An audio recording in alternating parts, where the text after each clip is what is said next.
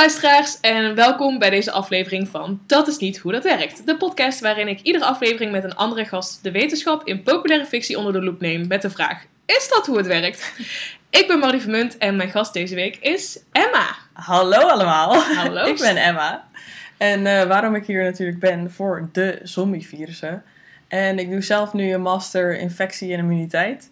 Dus daarom ben ik nu de semi-deskundige van Marty. En ik ben hier heel blij om te zijn, dus eh, ik ben benieuwd. Nou, zoals eh, Emma al zei, we gaan het hebben over zombievirussen, maar specifiek in de context van de film 28 Days Later. Ik heb die film gekozen vanwege het feit dat het een zombiefilm is en dat we dan de zin en onzin over zombievirussen uitvoerig kunnen bespreken. Ook omdat het een van mijn persoonlijke favoriete films is. Maar eh, die mening deelt niet Wat iedereen. ik niet helemaal begreep, maar it's fine. Hè? eh, meningen verschillen, dat mag. Even kort over de film. Eh, de film is uitgekomen in 2002. Hij is geregisseerd door Danny Boyle, die ook Slumdog Millionaire en 127 Hours heeft gemaakt. Acteurs die je misschien kan herkennen in deze film is een hele jonge Killian Murphy, die ook wel in Batman Begins, Inception en tegenwoordig in Peaky Blinders speelt. We hebben Naomi Harris, die jullie misschien kennen als Tia Dalma uit de Pirates of the Caribbean originele trilogie. Ze Oh. speelt... Juist. Wow. Ja, ze speelt Oh. eh, Miss Moneypenny in de laatste James Bond films. En ze speelt ook in een van mijn andere favorieten, Moonlight. Verder hebben we Brandon Gleeson, die jullie misschien kennen als Mad-Eye Moody vanuit Harry Potter. eh, en de Orde... eh, nee, niet de Orde van de Phoenix, wat zeg ik? En de Vuurbeker. I know my Harry Potter shit, I'm sorry.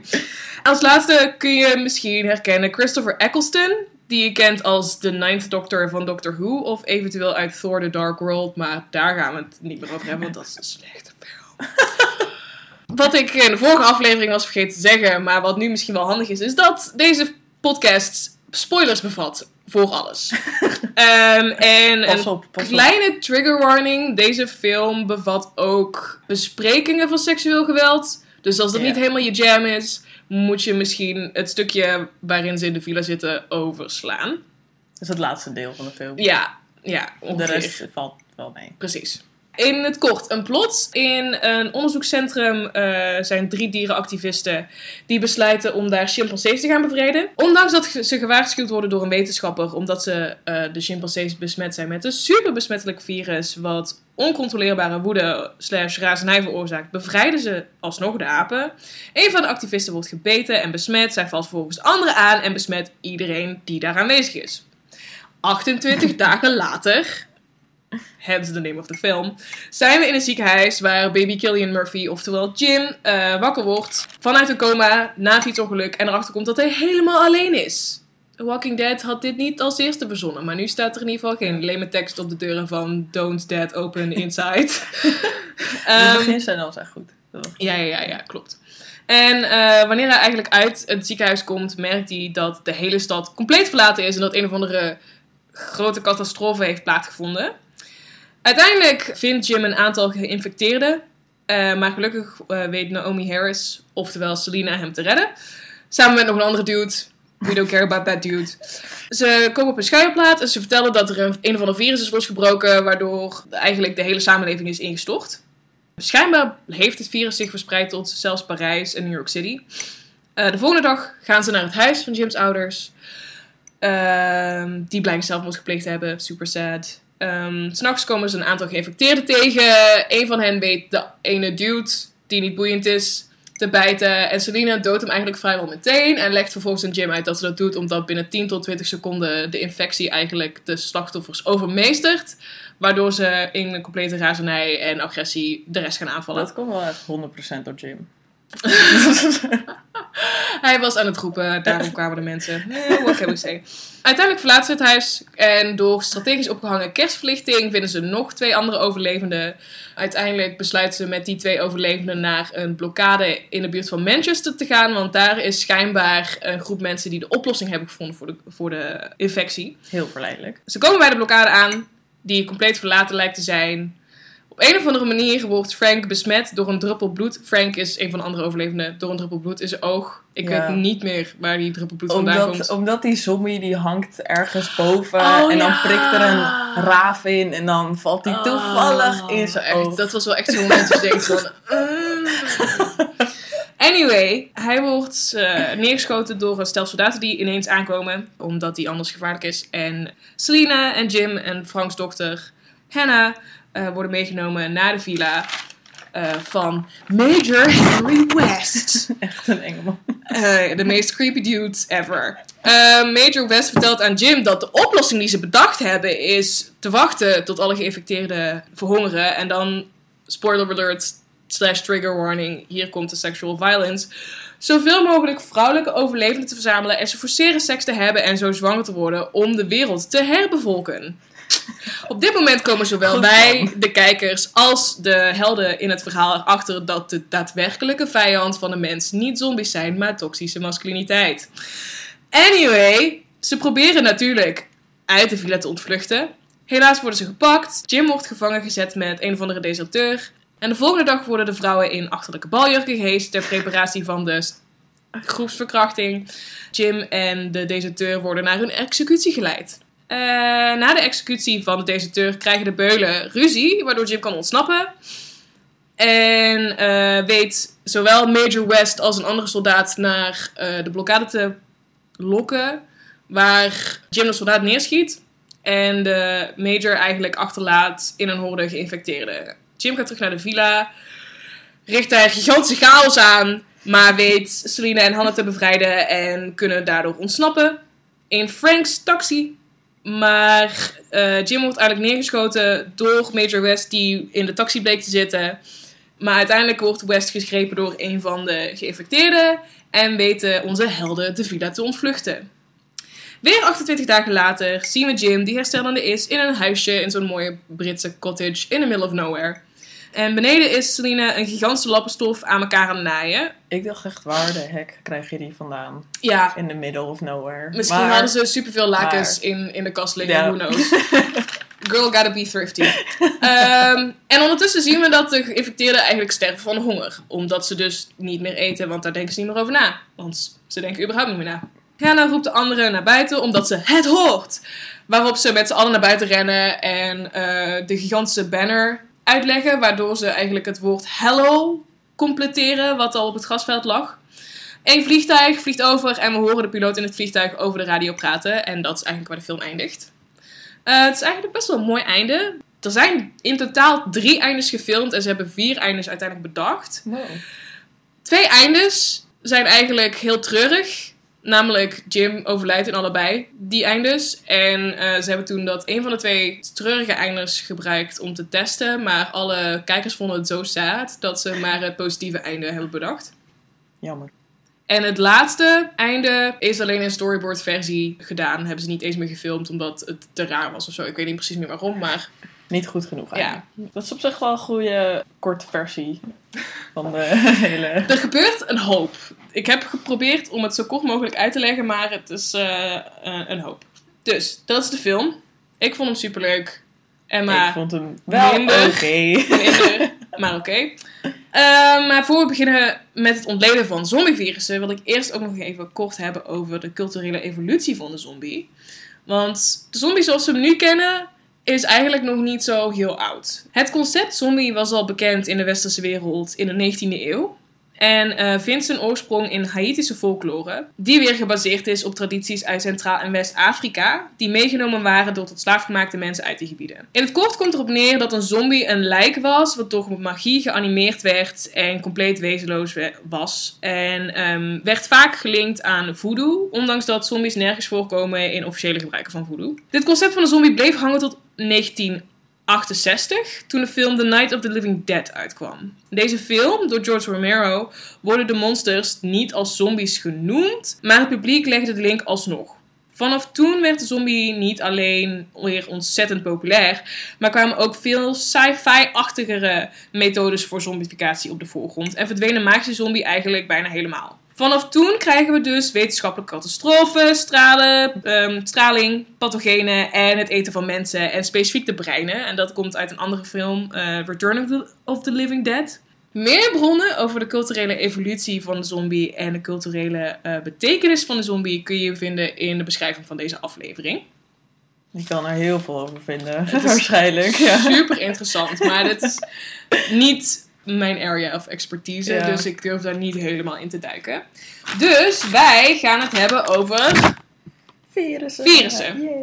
Dus, ehm, in 28 Days Later hebben we niet specifiek te maken met eh ondoden als zodanig, maar wel met mensen die, door, geïnf- die geïnfecteerd raken met een pathogeen en daardoor allerlei fysieke veranderingen ondergaan en gedrag gaan vertonen wat wel onder het kopje zombie valt. Ja, wat ik dus wel hilarisch vond, is dat ze geen enkele keer iets van zombie het woord noemen. Ja, ze zeggen Altijd ja, infected. altijd de-infected, maar dat is eigenlijk, ik weet niet, ik ken weinig zombiefilms waarin Ja, nou, soms heb je dan net even één woord Ja, ja, ja. ertussen van het lijkt wel zombie-achtig of zo. Ja, maar meestal wordt het inderdaad de-infected of Ja. the horde of whatever. Iets, iets Het woord zombie komt vrij weinig voor in films überhaupt. Voordat we dit specifieke virus gaan bekijken, the rage virus, ehm, is het misschien even handig om kort uit te leggen wat de virus nou daadwerkelijk is. En ik heb een hele mooie korte beschrijving gevonden uit mijn Campbell Biology 9th edition. Ehm, dat is eh, het basisboek voor alle biologie bachelorstudenten. Ehm, Heb je er toch nog wat aan gehad? hè? heb ik er toch nog wat aan gehad uiteindelijk. En de omschrijving is: een virus is een besmettelijk deeltje dat niet in staat is om buiten een cel te vermenigvuldigen, bestaande uit een RNA of een DNA-genoom, omgeven door een eiwitmantel, ook wel capside genoemd, en bij sommige virussen een membraanachtige envelop. En jij had hier nog een mooie aanvulling op, dat het dus. Dat het een acellulaire structuur is. En dat En betekent. dat betekent dus dat een virus niet een cel is. En Ja. een cel staat voor levend, zeg maar. En dat is dus het aparte ook van die virussen. Dat ze een acellulaire structuur hebben. Mhm. Wat niet voorkomt bij pff, whatsoever. Ja, dus eigenlijk zijn virussen niet echt levend. Discussie Nee. is er nog steeds. Nee, ze worden dus een soort op de, de edge of life. Ja, Dus het, ze, ze zitten er niet in als, als levend. Je mag niet zeggen, oh, een virus is levend. Maar ze hebben wel bepaalde aspecten van leven. dus, Want we ja, zijn natuurlijk nog steeds aan het delen en ja, dat vermenigvuldigen en en- verspreiding. En dat hebben ze allemaal wel. En ze hebben dus wel een RNA of een DNA genomen. Ja, wat ook allemaal een levensaspect is. Ja, Maar ze hebben geen eigen stofwisseling. En dat is bijvoorbeeld ook Wat een dan? ja, wat essentieel onderdeel essentieel van leven. onderdeel is van leven. En dat hebben ze niet. Dus dat is, het is vreemd. Virussen zijn vreemd. Maar wel heel interessant. Maar heel cool. Nou ja, het virus in de film wordt eigenlijk niet heel erg uitgelegd in de film zelf. Maar er zijn, er zijn sequels die je niet moet kijken, want die zijn wel slecht. Tussen deel 1 en deel 2 zit er eigenlijk een soort van graphic novel die die tijd tussen die twee films overbrugt. En die heet 28 Days Later, The Aftermath. Oh, En daarin eh, wordt het virus wat meer beschreven. Dus eh, daar heb ik het een beetje deze informatie vandaan. Het virus wordt de The Rage Virus genoemd, met hoofdletter R, hoofdletter V. In de film noemen ze het eigenlijk voornamelijk The Infection. Ehm, het virus wordt overgedragen via bloed en speeksel. En één druppel is dus al genoeg om Een hele viremie uit te Ja. krijgen. En totale... viremie, ja, voor de eh, luisteraars thuis. eh, sorry. eh virusreplicatie die door je hele lichaam gaat. Dus waarschijnlijk meestal door het bloedsysteem. ja, in bloed 10 tot vaten. 20 seconden. Ja. Wat heel onwaarschijnlijk is. 10 Ja. tot 20. Anyway. Wel leuk. Ehm, het virus lijkt alleen primaten te kunnen infecteren. Eh, het veroorzaakt bloeduitstortingen. Eh, geïnfecteerden hebben rode ogen, ze kotsen bloed. Ze hebben bloed uit hun oren, het is allemaal heel gezellig. En ze krijgen er ook een betere mobiliteit en uithoudingsvermogen van. En hoe het virus eigenlijk is ontstaan, al dus de graphic novel, is dat er wetenschappers op zoek waren naar een inhibitor om extreme agressie tegen te gaan. Eh, dus eigenlijk een, ja, een, een stofje waarmee ze agressief gedrag kunnen tegen. Ja, eigenlijk, remmen. ja, precies. Een remmer. Ja, een remmer voor agressief gedrag. En een of ander stofje wat ze dan in een pil of een aerosol zouden kunnen gooien, zodat mensen allemaal heel rustig, Rustig. blijven. Maar ze hadden bedacht dat een pil of een aerosol, dus iets wat je in de lucht kan spuiten, eh, niet effectief genoeg zou zijn. Dus hebben ze de inhibitor in een onschadelijk gemaakt ebola-virus gegooid. Want dat is altijd een goed idee. plan, ja. Ehm, maar door een aantal onfortuinlijke mutaties kreeg het virus het compleet omgekeerde effect. Obviously, want dat is wat er gebeurt met random mutaties. Dat een ding wat één functie Volledig heeft, het andere het functie andere gaat krijgt. doen. Wel, wel grappig. Ja. En geïnfecteerden raken dus in een nooit eindige onbeheersbare woede. Gezel. Nou, over dit virus. Ja, het is.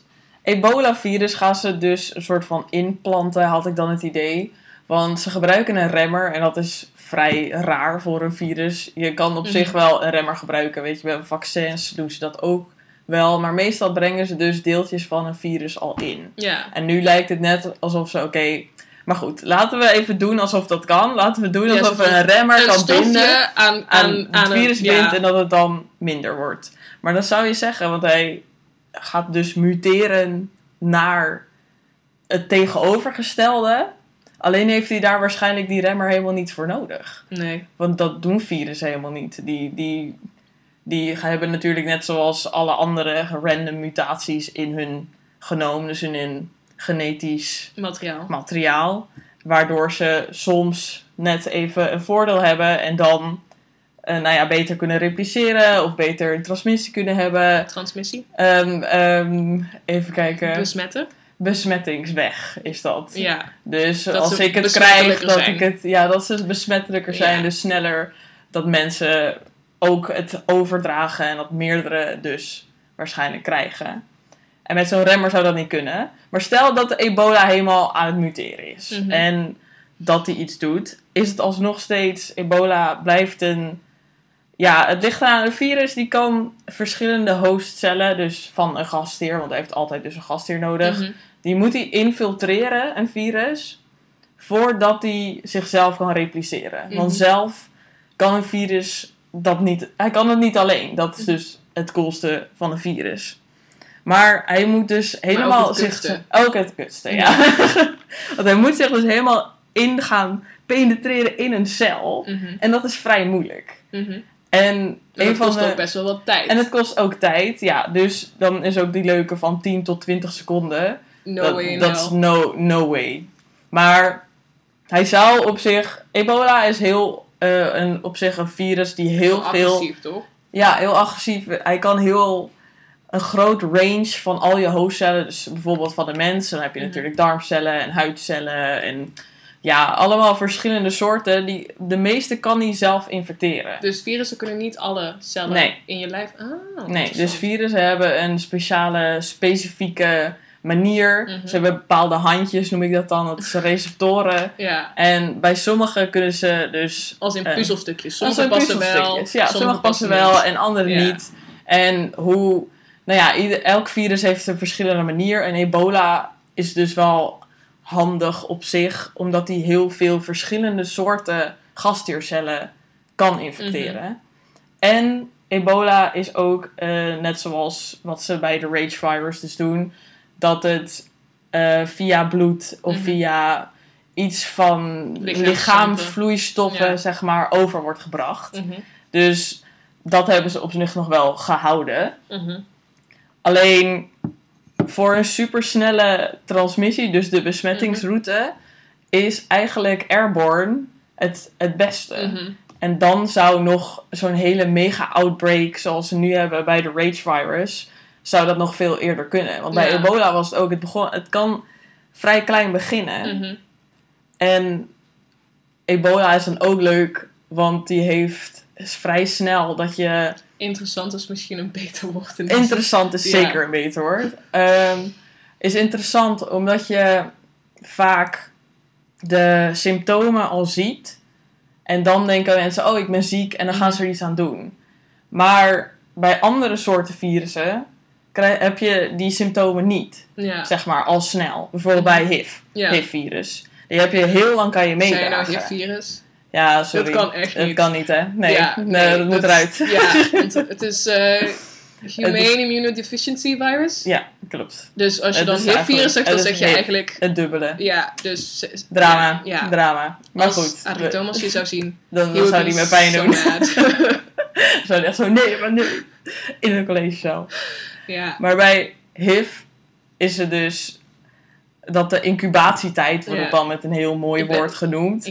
En dat is dus als de infectie, dus het virus, je lijf binnendringt. En de tijd die dat duurt totdat je echt symptomen krijgt. Dus totdat je, nou ja, ehm, koorts of dat je gaat kotsen of iets van, dat je het merkt zeg maar dat je ziek bent. Dat wordt een incubatietijd genoemd. En dan met verschillende virussen is het ook weer een ding van... Sommige die zijn in de incubatietijd, dan kun je het al overgeven. Mhm. En dat is bijvoorbeeld met HIV. Mhm. Die duurt heel lang incubatietijd. Mhm. Maar tijdens die tijd ben je ook al infectieus. Dus ja. besmettelijk. Dus je kan het al doorgeven. Terwijl Mhm. de meeste mensen dan niet doorhebben, want ze hebben geen symptomen, Omdat ze ziek dat zijn. ze ziek zijn. Ja, En bij ebola is het dus zo dat je bijna direct dat je. Bijna direct, nou ja, Ja. volgens mij was het een week of zo, eh, de incubatietijd van ebola. Het is heel kort. Ja, dus meestal kun je dan ook heel snel iemand nou ja, isoleren Mhm. en dan dat het niet meer wordt overgegeven. Ja, Dus voor de rage virus zou het op zich beter zijn geweest dan om een airborne ja, virus te hebben met een incubatietijd wat mensen niet merken. ja. En dan, ja, dan zou je veel sneller het verspreiden dan wat er nu wordt gesuggereerd via Ja. een bloodborne virus. En dan Dat ook nog met een langere eh, incubatietijd. Ja, wat ik ook eh, las op Mhm. eh, verschillende, eh, in verschillende bronnen, dat inderdaad als je een gigantische uitbraak van een, een virus wil hebben, maakt niet uit of een zombievirus is of whatever, dat bijten echt een van de mindere Ja, dat is niet handig. handige manieren is om dingen snel over te dragen. Ik bedoel, Ja, filmisch gezien is het natuurlijk veel spectaculairder dan wanneer Zeker. iemand op iemand anders hoest of zo. Ja. Weet je? dat ziet er niet zo aantrekkelijk uit ook. precies. En niet, niet spectaculair. Nee, maar als je echt iets super eh besmettelijks wil hebben, dan kan je eigenlijk beter gewoon een mazel helemaal eh, Ja, die zijn ombouwen tot iets wat heel super gevaarlijk. Ja, Mazel is een van de meest besmettelijke ziektes die we Ja. op dit moment hebben. Vaccineer je kinderen. alsjeblieft. Ehm, Volgens mij heeft hij ook echt, wat was het? Iets van, ja, hij, de snelheid, de snelheid van verspreiding heb je dan, heb je zo'n heel mooi getal Mhm. voor. En dat heet dan R not, volgens mij in het Engels. En ik weet niet hoe het heet in, volgens mij is het gewoon de verspreidingsgraad. hey. Dat is het in het Nederlands. En dat is, met even een hele mooie definitie erbij, het aantal nieuwe besmettingen dat één besmet individu, dus een persoon of een dier, veroorzaakt in de totaal vatbare populatie. Dus als je getal hoger dan 1 is, dan betekent het, als ik word besmet, dat ik Marty in één keer zou kunnen besmetten, want Mhm. dat is mijn ene. Ja, Maar als je het getal hoger is, dus bijvoorbeeld 10, dan kan ik als één persoon 10 Tien andere mensen ook besmetten. Dus hoe hoger dat getal, hoe besmettelijker je bent als virus. ja. En die van mazelen is de 20. En die van ebola is maar 1 of 2. Wauw. Ja, dus als we dus ervan uitgaan dat de rage virus een soort ebola is, Dan valt Dan- het eigenlijk wel mee. En dan klopt Ja. het niet wat we in de film zien. nee. Want, Maar dat, dat maar dat, dat helemaal niet. Maar in ieder geval misschien, hij Ja. zou het dus, die grote outbreak zou nog wel kunnen met een ander soort virus. Ja, want waar het rage virus me meer aan deed denken dan ebola nog, is rabies. Ja, Omdat ja, dat klopt. dus dat, dat bijten, dat is iets wat bij rabies natuurlijk ook een ding is. Dat is ook interessant eh, hoe dan die evolutie van rabies is gegaan. Ja, Want dat is wel duidelijk een voorbeeld van evolutie die leidt tot een hogere kans op infectie. Omdat eh rabies dus inderdaad een hele hoop agressie veroorzaakt in Ja. de dragers. Waardoor ze gaan bijten. En ook overmatige speekselproductie. Waardoor als er gebeten wordt, dat de kans op overdraagbaarheid, de kans op overdragen, veel hoger is. En dat is denk ik ook het. Dat is de major virus dat ik denk, die is nog het meest zombie-achtig. Door Ja. die extreme agressie die je krijgt. En het feit dat mensen, je, je krijgt er ook, laten we zeggen, dementie, Ja. klachten van, et cetera. En het interessante is dus ook dat dit virus specifiek het brein aanvalt of aantast. Wat niet veel virussen doen. Nee, het is wat we met een mooi woord noemen neurotropisch. en dat betekent eigenlijk zoveel als in zit in het zenuwstelsel. Ja, Right? hij gaat naar het brein. Ja, Want dus- het brein binnendringen, dat is voor een virus nou, bijna niet te doen. nee. En voor rabies, wij hebben een hele mooie bloed-brein barrière. heel fijn. Die ehm, de meeste enge dingen uit je brein te houden. Ja, gelukkig wel. Ehm, want anders zouden we nu allemaal Heel langzaam Ja. meteen eigenlijk ja, doodgaan. Precies, precies. Het brein is heel belangrijk. Dus die heeft ook een speciaal, speciale barrière Ja, dan de rest van het lichaam. Dus misschien als je bijvoorbeeld zou kunnen ehm, het rabiesvirus zou kunnen mengen met mazelen, dan zou je misschien iets hebben Ja. wat wel een zombie-achtige. En op zich ook met ebola. Want Mhm. ebola heeft die hele rare hemorrhage, Ja. heel veel bloedingen. Bloeduitstortingen. Ja. Ja, heel veel En bloeduitstortingen. ook extreem dat je denkt van wow, ja, wat er eigenlijk gebeurt als je ebola hebt, dat je dan langzaam eigenlijk al je interne organen uit elkaar vallen. Ja, Dat is eh, niet heel fijn. vervelend. Je bloedt eigenlijk langzaam dood aan de binnenkant. Ja, Dat is wat er gebeurt. ja. En volgens mij is ook je bloed, gewoon je bloedplaatjes, die dus Ja. ervoor zorgen dat je mooi hecht, zeg Ja. maar, al- als je een schram Maar het hebt. ding met ebola is dus ook dat als je dat hebt, dat je vrijwel binnen twee, drie weken al dood bent. Ja, dat is dus het super fatale van Ja, ebola. dus de, de momenten dat je kan verspreiden, is, vrij kort. Ja. En volgens mij is het op 50% dacht ik, Ja, eh, fataal sowieso. Klopt, heel veel mensen Ja. gaan eraan dood. En dat, veel virussen zijn niet zo fataal. Want voor Dat is ook virussen helemaal het niet handig. Nee, het is, Want je kan het niet meer- voordelig. Nee, als, je host dood is, kan je niet meer verspreiden. Nee, nou ja, in ieder geval een stuk minder. Want je hebt natuurlijk een soort van... Ja, je Mhm. hebt iemand nodig, letterlijk. Virussen hebben iemand nodig om dat te fixen. Dus die leven in de Ja, cellen. en dat zie je bijvoorbeeld ook in eh, een aantal van de, de ziektes die vroeger, heel vroeger, Ehm, mensen, laten we zeggen, hele populaties hebben uitgeroeid, zoals de zwarte pest. Dat was een virus wat overgesprongen is van vee, als ik het goed heb. Een zwarte pest is een bacterie. Is dat een bacterie? Ja, Oh.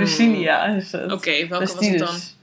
Dus ik denk, de pokken is volgens mij de Ja. allerheftigste. En de Spaanse griep. Ja, Met ook heel veel mensen was eh ja. vreselijk. Maar in ieder geval, het ding is dat die, die virussen of pathogenen, die, die zitten normaal Ja. gesproken in een andere gastheer, die er niet aan overlijdt. En dan omdat we in de middeleeuwen allemaal smerig waren en boven onze vee zaten, was er op een gegeven moment één virus of bacterie of whatever die overgesprongen is.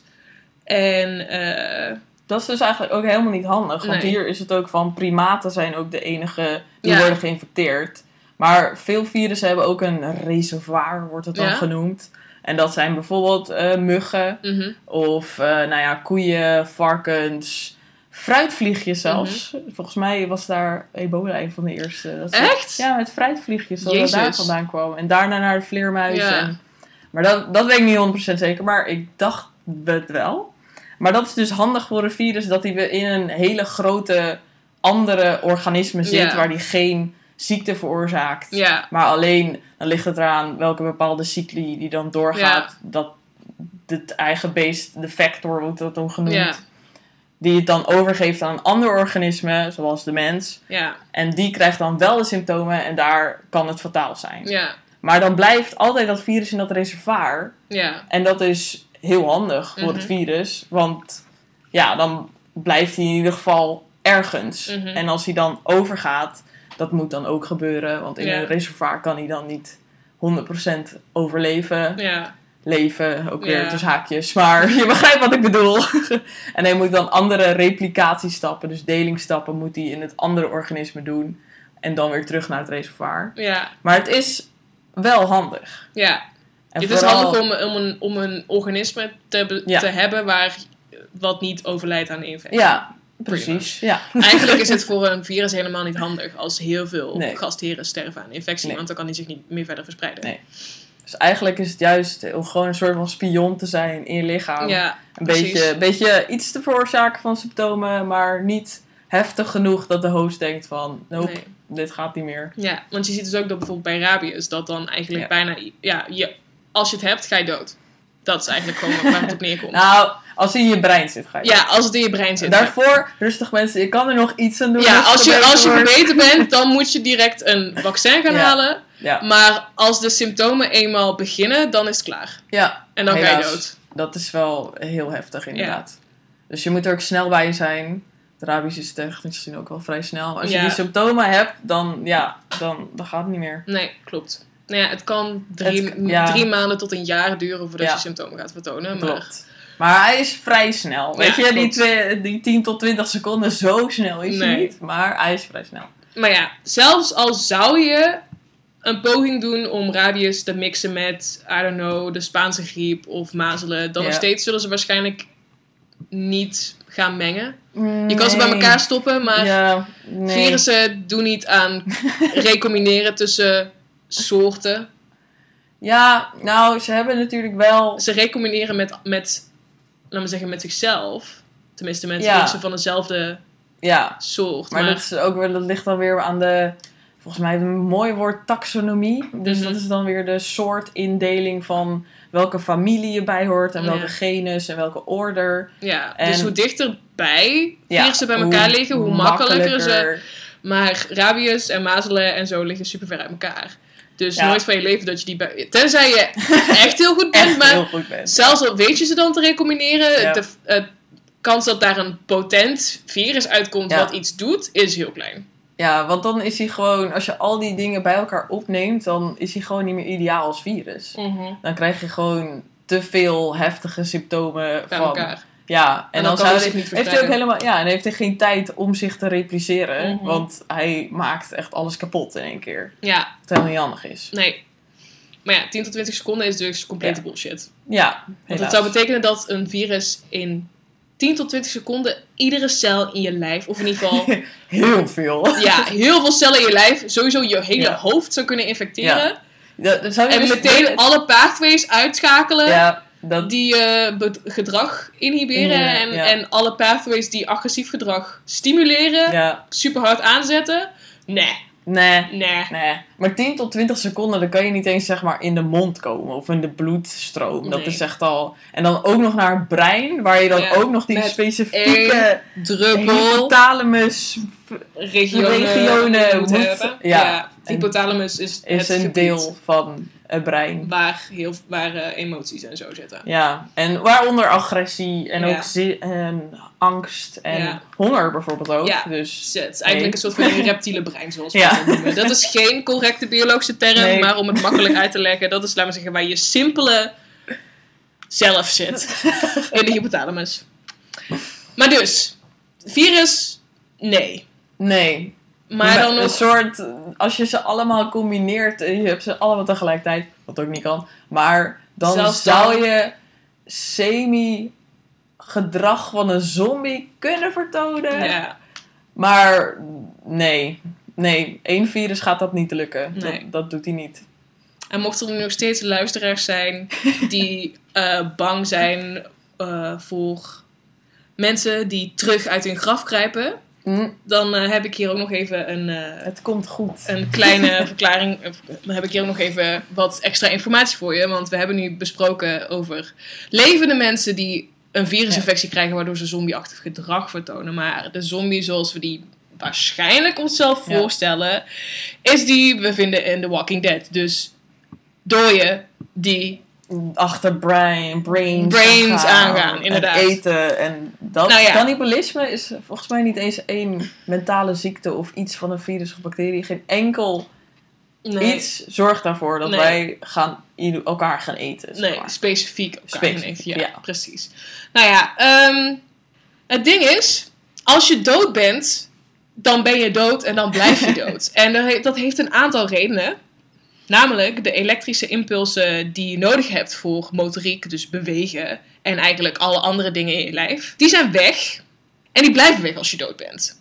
Zoals je nog wel eens ziet, er zijn experimenten geweest in eh 1600, 1700, waarbij ze Waar elektrische nog mocht. ja, precies. Waarbij ze elektrische impulsen door kikkers, door kippen, door geëxecuteerde gevangenen hebben eh, laten stromen. En inderdaad, die lijken gingen dan stuiptrekken. Ja. Maar er is niks meer in het lichaam wat die elektrische impulsen zelf meer kan genereren. Dus als er geen elektrische impulsen worden toegebracht, Gaat hij ze niet zelf creëren? en gaat hij dus niet bewegen. En zelfs al gooi je er elektrische impulsen in, dan zijn het ook hele A-specifieke bewegingen die Niet geen... gecontroleerd. Je kan niet gaan lopen opeens met eh, speciale... Dus eh, Elektrodes we hoeven niet eh à la Frankenstein te gaan proberen om een lijk te reanimeren met bliksem. Dan de volgende stap. Rigor mortis. ook wel het verstijven van het lichaam na de dood. ehm, wordt veroorzaakt door een gebrek aan zuurstof in de cellen. Terwijl de cellen nog actief zijn. Namelijk als je overlijdt, dan heb je geen hartslag meer, dan haal je geen adem meer. Maar je cellen zijn allemaal los nog een tijdje eigenlijk aan het werk. Heel goed van ze. Ja, dus die zijn nog al hun processen aan het doen. Maar voor die processen hebben ze eigenlijk zuurstof nodig. En als ze geen zuurstof meer krijgen, dan gaan ze een bepaald stofje aanmaken. melkzuur. En dat hele proces zorgt er eigenlijk voor dat al je spieren zich aanspannen en aangespannen blijven. Ja. Dus je kan letterlijk niet meer bewegen als je dood bent. Dit proces gebeurt ongeveer 3 tot 6 uur na het overlijden. Dus zelfs al zou je terug opgestaan zijn uit de dood, na 3 tot 6 uur Gaat het niet meer. sta je stil, kan je niet meer bewegen. Maar voordat dat al gebeurt, die hele rigor mortis, begint je lichaam al met dingen afbreken. In je cellen zitten namelijk enzymen die cellen kunnen afbreken. En normaal gesproken zitten die mooi opgevouwen in een pakketje, zodat ze niet bij de cel zelf kunnen. Maar zodra je overlijdt, breken die pakketjes open en komen die celafbrekende enzymen vrij. En dit proces noemen we autolyse. Wat eigenlijk zo weer zegt als jezelf Zelf opeten. Ehm, je cellen worden lekker nom nom nom opgegeten door die eh, enzymen. En dan hebben we nog de bacteriën in je darmen. Je Die- Microbiota. Je microbiota. Dat is mijn favoriete onderwerp. Emma's Dan favoriete weten jullie dat alvast. Ehm, ja, die eh, zitten daar en die wachten op eten. Wat normaal gesproken door jou in je darmen terechtkomt. Maar ja, als je dood bent, kan je ook niet meer eten. En dan is er geen eten meer voor de bacteriën. Dus wat gaan ze dan doen? De darmlaag afbreken. En dan gaan ze naar je cellen. En dan Ja. breken ze En af. dat noemen we put- putrificatie. En dat is wat die ontzettende lijkenstank veroorzaakt. dus bacteriën die je van binnenuit opeten. Dat gebeurt nu niet. Maak Rustig je geen maar. zorgen. Rustig aan. Dit gebeurt alleen maar als je dood bent. En je hebt ze nodig. Ze zijn heel belangrijk. Ja, ze zorgen ervoor dat je al je eten goed kan verteren en zo. Top. En ze helpen ook bij je immuunsysteem, toch? Ja, daar zijn ze mee bezig inderdaad. Daar zijn of, ze het, of, het, ja. of het werkt, eh, of je extra bacteriën in kan brengen of een bepaalde soort stammen, zodat het beter gaat Ja, met je darmen. Poeptransplantatie. Ja, Nice. ja, een nieuwe, nieuwe era. Maar ja, oké, dus je wordt van binnenuit eigenlijk langzaam opgegeten vanaf het moment dat je overlijdt. Maar niet alleen van binnenuit word je opgegeten, ook van buitenaf komen mensen, of mensen, van buitenaf komen beestjes om je op te eten. Ten eerste de vliegen, die komen lekker de maden in je rottende vlees leggen, die, eh, die dan je vervolgens lekker opeten. En eh, in warme gebieden duurt het maar een aantal weken tot een paar maanden dat, totdat je uiteindelijk helemaal weg vergaan bent tot een skelet. In koude gebieden kan het veel langer duren. Dus Ja. als je zombies zou zoeken op de wereld, Antarctica en Alaska zijn de plekken waar je ze moet naar- zoeken. Maar aan de andere kant, die lijken zullen dan helemaal bevroren raken, omdat ze geen manier hebben om zichzelf op te warmen. Dus, Nope. Dus dat werkt ook niet. Nee. dus eh, ja, ik denk dat we wel met zekerheid kunnen zeggen dat ondode zombies nooit, Nooit. zullen gebeuren. En dat eh, niet dode zombies heel, heel onwaarschijnlijk Waarschijnlijk. zijn. Maar bepaalde symptomen, zombie-achtige symptomen, zijn er wel. Zijn er inderdaad al wel op dit moment. Wat Dus- wij dan denken van, dat valt eronder. Maar ja, de eerste volgende keer dat je dus The Walking Dead zit te kijken en een half lijk kruipend over de weg ziet aankomen, dan Dedication hebben ze wel altijd. Klopt. dat is wel. super dedicated, maar super onrealistisch. ja. Dus Wel. ik hoop dat we nu iedereen's kan zorgen Rustig slapen hebben vannacht. weggenomen, rustig kunnen slapen vannacht. En zelfs al krijg je geen nachtmerrie, denk dan gewoon, nee dat kan niet. Want je bent dood. Of Je bent het niet. Ja, precies. Dus, we moeten deze film natuurlijk nog wel een rating geven. En ik heb Mhm. bedacht dat we dat gaan doen uit eh bloeddruppels in je oog. dus we gaan deze film eerst eh, raten op zijn wetenschappelijke content. En daarna op, Ja. eh, op de, nou, hoe zeggen we dat, entertainment waarde van deze film. Dus Emma, voor de, de wetenschappelijke wetenschappelijke, content. virale content. Maar ik vond dus ook jammer dat er weinig... Er wordt weinig suggestie, er worden suggesties gedaan, Mhm. maar niet uitgelegd. En echt weinig ook. Dus ik geef denk ik twee bloedspetters In- voor, in je oog. je oog. Voor, voor wetenschappelijke uitleg. Ja, nou, eh dan zitten we ontzettend op dezelfde lijn. Want ik dacht ook precies aan twee Ja. bloedspetters Ze in je geven oog. wel iets. Ja, ze, ze geven wel iets, maar... eh, Incubatietijd, ja, nutrition. precies. En het feit dat dus agressie en bijten komt wel bij andere ziektes voor Ja. die we nu echt op de wereld zien. Dus eh, in totaal krijgt deze dus eh, vier bloedspetters in je oog. Vanuit de maximale 10 bloedspetters in je oog. En eh, dan nu voor de, de entertainment score. Oh, ja, maar ik ben entertainment. Ik had niks met die karakters. Ik vond ze allemaal echt, oh, pijnlijk gewoon.